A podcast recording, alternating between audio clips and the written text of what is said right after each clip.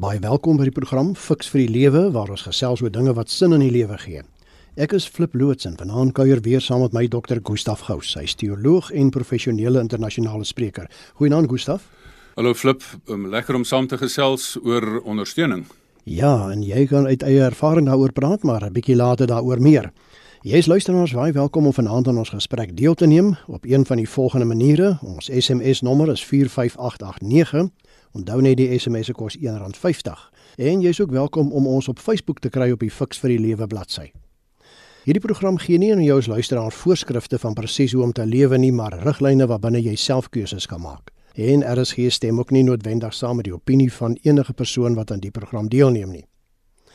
Die COVID-19 pandemie hou baie uitdagings in. Daar's nie net kommer oor die welstand van gesondheidswerkers en pasiënte nie, maar veral oor die eensaamheid wat kwarantyne en langdurige siekbeddens veroorsaak. Selfs familielede wat nie die virus opdoen nie, ly daaronder wanneer hulle nie hulle geliefdes kan ondersteun nie. Wat nou gemaak in hierdie omstandighede? Fiks vir die lewe fokus vanaand hierop. Gustaf, baie mense ervaar die intense alleenheid en die afsondering tydens die pandemie. Watter invloed dink jy het dit op mense se gemoed? Dit het 'n reuse invloed op mense se gemoed want waar ervaar ons hierdie alleenheid? Ons ervaar dit in sogenaamde lockdown, grendelstaat. Mense ervaar dit in die hospitale. Die ergste van alles wat my baie baie diep raak is dat mense dit selfs in die dood ervaar dat mense alleen moet sterf. En ek dink dit is so teen ons menswees want introvert of ekstrovert, ons is sosiale mense, ons is nie vir isolasie gemaak nie. En COVID op sigself, die regulasies het baie van die gemeenskap kohesie of die samehorigheid verbreek. Weens gebrek aan 'n ander woord noem ek dit eintlik hierdie vreemde COVID apartheid wat ons nou mee sit. In die ou tyd was die die ergste ding wat jy aan iemand kon doen is om iemand in eensame opsluiting toe te sluit. In die ou tyd hulle genoem dit solitary confinement, dit was die ergste straf. Maar ten spyte van dat die rigting is na isolasie toe, wil ek vanaand duidelik gesels dat ons kan iets doen dat ons die sosiale samehorigheid, die sosiale kohesie kan herstel deur mekaar tot hulp te wees, mekaar te ondersteun in hierdie baie moeilike tyd. Hoe goed of sleg, Gustaf, dink jy is dit om so alleen met net jouself en jou eie gedagtes te wees?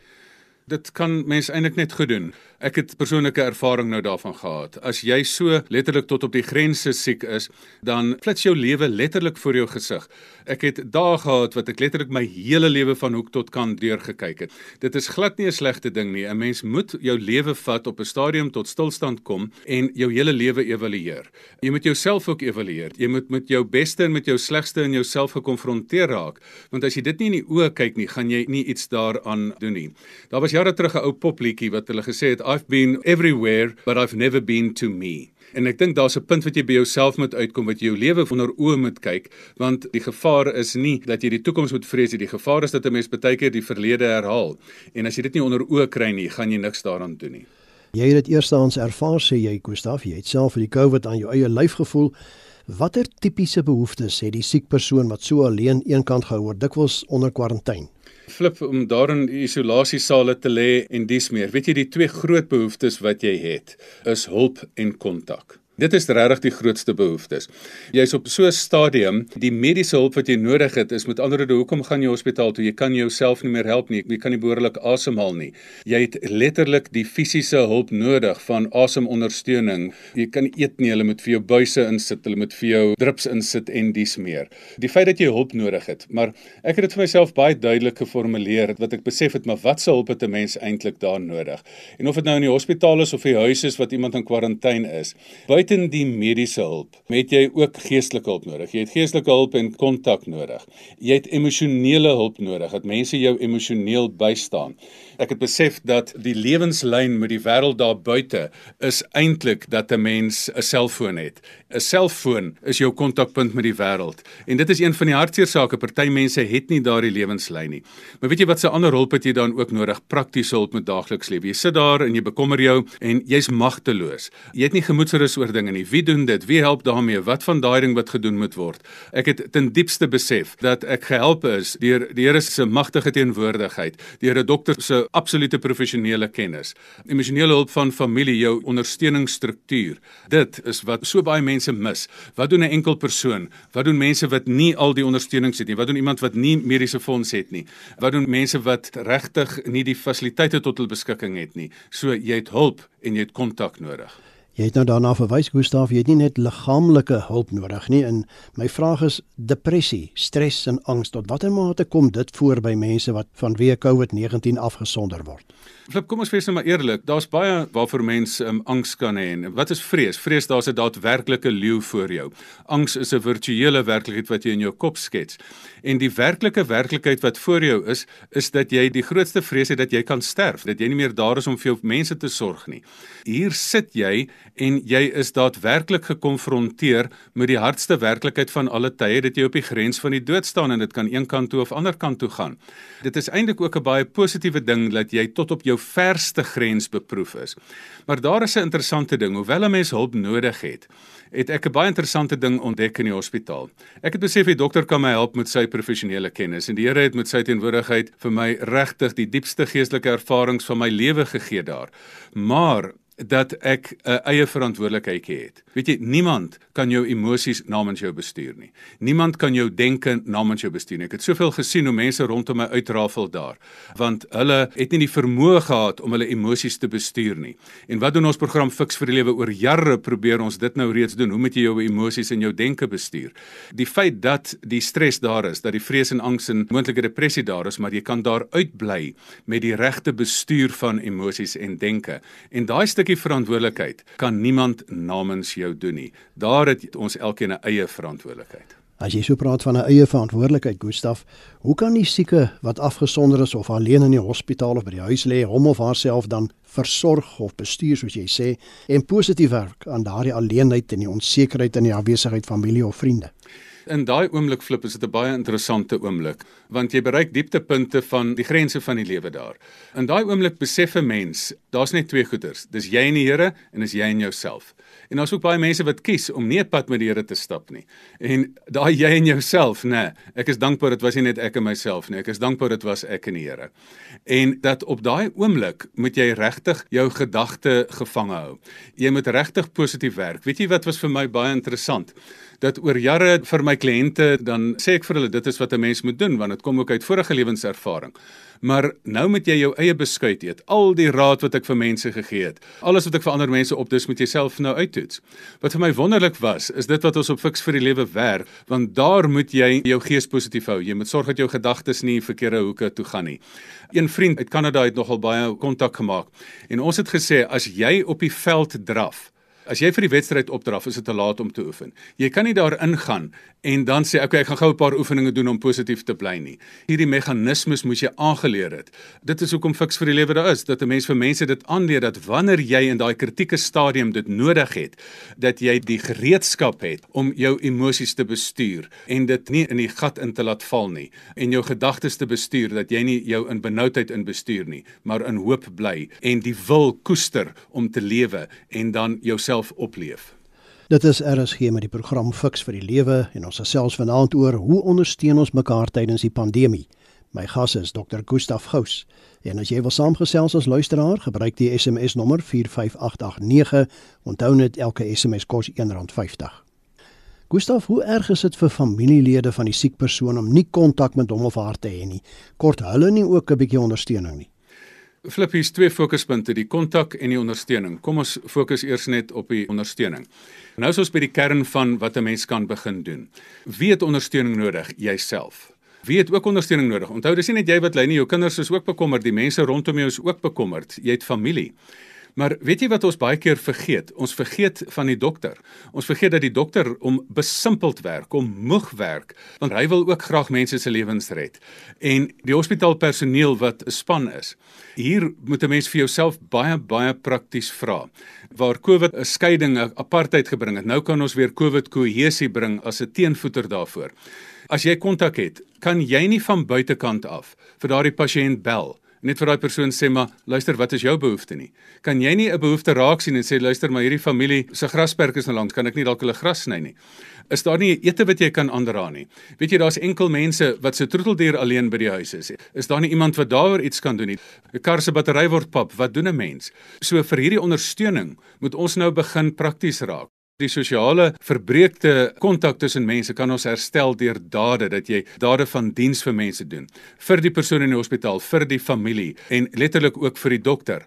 Jy moet ook besef al lê jy binne moet jy ook die emosies buite bestuur. Kreatief moet jy probeer kontak hê. Ek het besef my familie het nodig om te sien dat ek nog daar is want hulle kan nie besoek nie. Om hulle amper getraumatiseer en op 'n tyd waar die refleksie van die venster het hulle in 'n parkeerterrein gaan staan en ek het by die venster gaan staan. En toe hulle sien hoe onvas ek op my voete is en amper nie kan regop bly nie, het dit hulle amper hartseer gemaak maar dit my gesien. As daar nie besoektyd is nie, doen dit kreatief. Gaan kyk deur 'n venster, probeer vir iemand waai. Die tweede keer het ek 'n ou papiervliegtuigie gemaak en vir hulle uitgegooi en vir hulle boodskapie gestuur en daar land hy op die lysie en dan val hy na die volgende lysie toe en die wind waai hom uiteindelik af. So om dit emosioneel te bestuur vir jou, vir jou familie, hierdie proses kan bestuur word. As ons iets doen, dan gaan ons dit 'n leefbare proses vir mekaar maak. Dit lyk my Gustaf een van die gevolge van die opdoen van die koronavirus is angstigheid deur nie in beheer te wees van jou lewe nie. Hoe kan die gepaardgaande onsekerheid nou daarmee saam hanteer word? Daar kom 'n tyd in jou lewe, miskien ook 'n goeie tyd is wat jy weet jy is nie in beheer nie, want eintlik is ons maar dapper muise wat dink ons is in beheer. Maar ons moet op 'n punt kom dat jy baie keer jouself ook moet oorgee vir hulp. Jy moet ook hulp kan aanvaar en ek dink dit is belangrik. Maar die belangrikste ding is dat mense vir jou daar is. Wanneer iemand hulp nodig het, gee vir die persoon hulp. Daar is 'n tyd wat almal magteloos is. So jy's of aan die een kant wat jy die hulp nodig het of aan die ander kant wie die hulp kan gee. Aanvaar dit as jy dit moet kry, gee die hulp as jy kan. Van die gevolge wat siekes in hulle alleenheid moet hanteer, Gustaf, is gevoelens van wanhoop. Veral rakende hulle finansiële posisie wat bly verswak. Daarvan hoor ons baie en ons lees in die koerant ook daarvan. Watter vorm van ondersteuning kan hier help? Flip, dit is die mooi wat ek vandag wil aanmoedig, maar ook die mooi wat ek wil raak sien. Ek praat altyd van die buitemense en die binnemense. Die buitemense is nog vry, kan nog met krag en dinge werk en is nie geaffekteer nie. In elke, nie net in finansiële opsig nie, emosioneel, finansiëel. Ons moet 'n oog ontwikkel dat jy vir die persone wat in isolasie is of in 'n hospitaal is, dat jy daar kan gaan sit en gaan sê maar luister, is daar iets wat ek prakties kan doen om hierdie persoon te help? Dit is RSG met die program Fix vir die Lewe en ons gesels vanaand oor hoe ondersteun ons mekaar tydens die pandemie.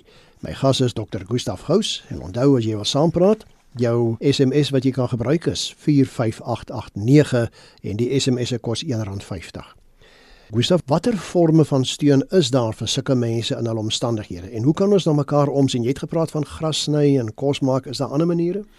As jy prakties 'n verskil wil maak, moet jy besef Daar is 'n pasiënt, daar is 'n familie, daar is mense wat hom ondersteun, daar is frontliniewerkers, daar is dokters, daar is spanne, daar is mense wat in die middel van die nag moet bloed trek, daar's verpleegsusters, mense wat drups moet insit, daar's al die hospitaalpersoneel.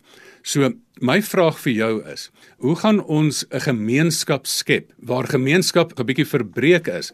Gaan ons 'n nuwe gemeenskap skep? En al wat ek vir jou wil voorstel, ek wil vir jou prakties voorstel. Partykeer bel mense en sê is daar iets waarmee jy kan help, maar jy weet hulle bedoel dit nie. Ek wil hê jy moet vir jou voorneme maak. Het jy iemand kies, pasiënt of 'n familie of van die ondersteuningspersoneel? Bel iemand en sê, "Wat is jou behoefte?" Veral vir die pasiënt. En dan luister eers na die behoeftes. En dan weet jy mos my luister jy is nie iemand wat weet hoe om 'n karbattery reg te maak nie maar jy kan dalk bietjie kos maak. Dan kies jy 'n ding wat daardie persoon gaan help. Sê ek sal jou met hierdie een ding help. Weet jy hoe wonderlik dit is as iemand net sê is daar iets waarmee ek jou kan help en dit bedoel. Dit is nie die persoon wat daar lê wat in benoudheid lê nie, die familie het ook in benoudheid dan moet jy letterlik vir hulle vra, maar dit is waar jy dan inkom van waar kan ek vir julle kos bring? Julle mamma lê in die hospitaal. Wat kan ek hier doen? Kan ek die gras sny? Kan ek een of ander taakie verrig vir julle? Kan ek iets namens julle doen wat onaangeraak is? Die ander ding wat 'n mens veral na moet omsien, is ek was diep onder die indruk dat ek 'n goeie ondersteuningsstruktuur het. Ek het letterlik gesê ek het 'n vrou wat die fort kan hou en kinders wat vir my bid, maar wat van 'n enkel persoon? Wat van daardie persoon wat letterlik geen ondersteuningsstruktuur het nie? Mense, dit is daar wat ons eer as gemeenskap nou met inkom. Maar weet jy wat ek ook raak gesien het? Is mense sê nie genoeg dankie vir die dokters nie. Laas jaar bel 'n kerk my en sê ons weet jy's 'n frontlinie werker, jy doen baie coaching. Ons wil iemand aan jou toewy wat vir jou net kan bid. Weet jy hoe ongelooflik baie het dit vir my beteken daai tyd nog uit 'n posisie van krag wat mense help dat iemand sê maar ek sien jou werk raak. En dis dit. Weet jy my dokter wat vir 2 weke aan mekaar sonder enige breek swoeg as iemand net daai persoon bel en sê dokter kan ek jou nie ondersteun nie Mag ek net vir jou bid? Dis al wat ek vir jou wil sê. Of kan ek net vir jou opdra en sê ons net dankie sê vir wat jy doen? Ek wil hê jy moet 'n frontlinie persoon identifiseer en al gee net emosionele, nie fisiese ondersteuning nie, en net emosionele ondersteuning sê weet jy ek is dankbaar vir jou, weet maar net ons is in, in die gees saam met jou. En weet jy wat was vir my ook geweldig besonder? Ek het laas jaar daar al meegewerk maar nog van uit 'n posisie van krag uit dat HR departemente, nie net individue nie, maar dat maatskappye hulle toewy en sê maar hoe gaan ons hierdie mense ondersteun? En ek is nogal diep aangeraak daardeur dat maatskappye dit byvoorbeeld doen en dan al hierdie behoeftes raak sien. So hier is 'n mooi ding aan die gebeur. Alhoewel ons gemeenskap se eenheid verbreek is, word hier 'n nuwe eenheid geskep deurdat ons mekaar kan help. Jy het nou so vlugtig daarna verwys watter ondersteuningsrol Gustaf sou kerke en predikers in hierdie tyd kon speel om siekes en hulle families by te staan. Jy weet, vroeër jare kon die dominees mos nou maar die siekes in die hospitale besoek en nou kan dit nie gebeur nie. Ja, my pa was nog die ou hospitaalpredikant en wat 'n span van 80 werkers gehad het van mense wat besoek. Maar as jy nie vandag in 'n kerk kreatief anders begin dink nie, as jy nie vandag 'n COVID pasiënt ondersteuningsgroep in jou kerk het nie, as jy nog nie vandag 'n frontlinie hulpverlening groep in jou kerk het nie, dan vra ek vir jou, wat maak jy? Jy as kerk het infrastruktuur. Jy het 'n klomp mense tot jou beskikking wat 'n gewillige, gemotiveerde groep mense is en jy moet net die bymekaarbringer wees, die sogenaamde matchmaker wees. Jy moet die persoon wees wat gaan sê maar nie net van my lidmaat en enig iemand daar buite. Wie het hulp nodig? Dan koppel dit met die vermoë wat jy in jou gemeentelede se het wat in elk geval mense is wat 'n hart van liefde het wat wil gee en bring dit bymekaar uit. Weet jy wat was vir my nogal mooi eendag? Een Sondag loer ek deur die venster en daar staan net 'n klomp Christene in 'n sirkel, vermoedelik om die hele hospitaal. Nie soos die fariseërs met hande in die lug en omhaal van woorde nie. Hulle staan net daar en ek besef, hier is Christene wat bid vir die mense. Weet jy hoe mooi was dit? Ek het net besef, nie net praatjies nie, gaan staan daar en dra hierdie plek die werkers en die mense daar binne aan hierop. Dit is die tipe van rol wat kerk is. So hier kan so bietjie minder gepreek word en baie meer gedoen word. Kry hierdie prosesse in plek. Kerk is mos meesters hierin. Julle weet mos hoe om te organiseer. Iemand het gesê dat die koronavirus 'n verhaal met 'n onseker einde is. Hoe kan mense wat die virus opgedoen het, Gustaf, gehelp word om positief na die toekoms te kyk? Hier is twee elemente hierso flip. Die eerste ene is dat as jy die virus opgedoen het, daar is eintlik nogal 'n vreemde vryheid. Weet jy wat was vir my mooi? Almal rapporteer net sterftes. Daar het mense gesterf terwyl ek in die hospitaal was, maar meeste van die mense is in en uit. So ons moet begin fokus op die mense wat uit is. Wat is die grootste vrees van almal? As jy die dood gekonfronteer is mee en dit oorleef het, dan is dit nogal 'n vryheid om te sê maar ek is nou daardeur. So vir die persoon wat dit opgedoen het, is daar eintlik 'n goeie proses. Alhoewel daar baie nagevolge kan wees, is dit eintlik nie 'n slegte plek om te wees nie, want jy het die ergste in die oë gekyk en oorleef. Maar daarmee het ons ook op 'n baie sterk punt kom dat baie van ons het 'n tyd in die lewe en dit is hoe ek dit ook beleef dat die wêreld vir jou nou word en weer oopgaan en dat jy nou kan nog 'n geleentheid hê om lief te hê nog 'n geleentheid hê om jou professionele werk te doen en 'n verskil te maak. Maar weet jy daar's niemand in die hele geskiedenis wat se lewe op 'n stadium verleng is nie, wat nie uiteindelik eendag gesterf het nie. So ons moet almal weer op die punt kom dat almal van ons het 'n 100% kans om te sterf. Nie 'n klein persentasie aan COVID nie, 'n 100% kans om te sterf. My bekommernis is juist die mense wat dit nie gekry het nie wat nog eintlik nog in vrees leef van kan en wat en as dit gebeur en dat daar nie 'n kom ons noem dit 'n finale oplossing prentjie beskikbaar is nie. Ek dink die politici moet baie meer fokus en die Engelse praat van die end game. Hoe gaan hierdie ding eindig? Dat mense vir die mense duidelikheid gee van luister, dit is die moontlikheid. Daar is 'n ding soos dat immuniteit immuniteit groter word in 'n gemeenskap en dit 'n virus onder beheer kry. Daar is iets soos vaksines.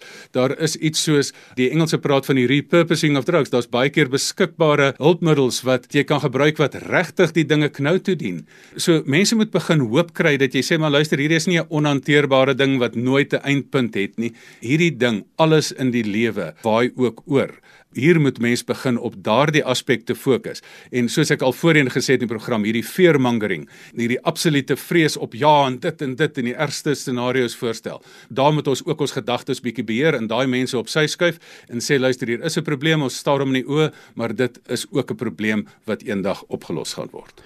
Gustav, kom ons vat saam. Vanaand se program, ons tydjie is besig om uit te loop. Hoe nodig sou jy sê is dit om ander te ondersteun in hierdie pandemie tydperk en hoe doen ons dit? Flip in 'n tyd wat die gemeenskap eintlik verbreek is deur isolasie. Kan die gemeenskap herstel word? My oproep is vandag passievol, omdat ek dit nie net voorheen gedoen het nie, maar omdat ek dit van binne af beleef het. Daar's 'n tyd wat iemand hulp nodig het. Ek was iemand nou die dag nog opgeneem in 'n hospitaal. En dat 'n mens mekaar moet help. Ek wil hê jy as 'n individu wat sterk staan, wees daar vir mekaar. Ek wil hê jy moet vir jouself toewy en vir jou sê, bel iemand. Iemand in die hospitaal en sê presies wat ek kan doen. Vra die behoefte, vra 'n spesifieke lysie van goed en nomineer iets wat jy kan doen. So kry vir jou iemand wat 'n pasiënt is. As daar 'n familie is, veral vir enkelpersone, ons moet asseblief na die enkelpersone kyk. Dan moet ons kyk na familie. As daar 'n familie buite is wat jy besef maar hierdie familie trek nou swaar, is daar 'n pa en 'n ma in die hospitaal en 'n 10-jarige kind wat alleen by die huis is. Daar moet jy intree om te help. Dan moet jy asseblief ook 'n program optou sodat jy vir die frontlinie personeel waarvan ek een was en ek het aan die hulpkant en aan die helpkant hulp nodig en aan die help vir ander kant gestaan, dat jy daardie mense ondersteun. Ek wil self so ver gaan want selfs as 'n mens hipergelowig raak, dan begin mense sê dit is die Here wat my hierdeur gehelp het. Nou natuurlik is dit hy. Maar weet jy wat? Wie die Here gebruik die dokter. Weet jy hoe werk die Here? uit frontlinie personeel. En as hy sien iemand moet gehelp word, dan het hy 'n professionele persoon wat hard geswat het, wat regtig sy werk doen, wat presies weet wat hy doen, wat hy vir jou stuur. En kom ons begin dankie sê. Hou op om alles te oorgelowig te hanteer en sê dankie vir die mense wat die praktiese, harde, aaklige werk gedoen het. En ek dink daardie groepe moet mense ook ondersteun en kerke moet daai prosesse in plek kry om ook daardie groep mense te ondersteun. Maar laastens wil ek ook dan net sê, dit is nie net individue nie, dit is nie net kerke nie, dit is nie net organisasies nie, maar vir al die besighede. Weet jy, ek wil vir die maatskappye vra. Daar het 'n verskywing in my kop gekom waar die maatskappye altyd 'n proses gedoen het en gesê het ons as maatskappy doen hulpverlening vir ons personeel is die nuwe raad wat ek hierna vir die sogenaamde menslike hulpbronne bestuurders gee. Doen dit nog steeds, maar skep 'n netwerk van dat die maatskappy nie die mense help nie, maar dat die mense mekaar begin help. Weet jy, dit is amper team building. So kom, ons herstel gemeenskap deur dade van diens dat ons mense help en bystaan in hierdie baie moeilike tyd. Ek het dit enorm waardeer. Ek het die Here se hulp ervaar. Ek het die dokter se hulp ervaar. Ek het my familie se hulp ervaar en ek het intens bewus geraak as baie mense wat nie 'n ondersteuningsnetwerk het nie. Vir die mense wat dit nie is nie, mense kom ons tree in. Kom ons gaan help die mense want regtig, jy lê hulpeloos daar en jy het groot bekommernisse en daai bietjie help is dan een van die grootste menslike vreugdesgetuienisse wat ons wedersyds vir mekaar kan doen. Kom ons doen dit. Vra iemand se nood en vervul daai nood.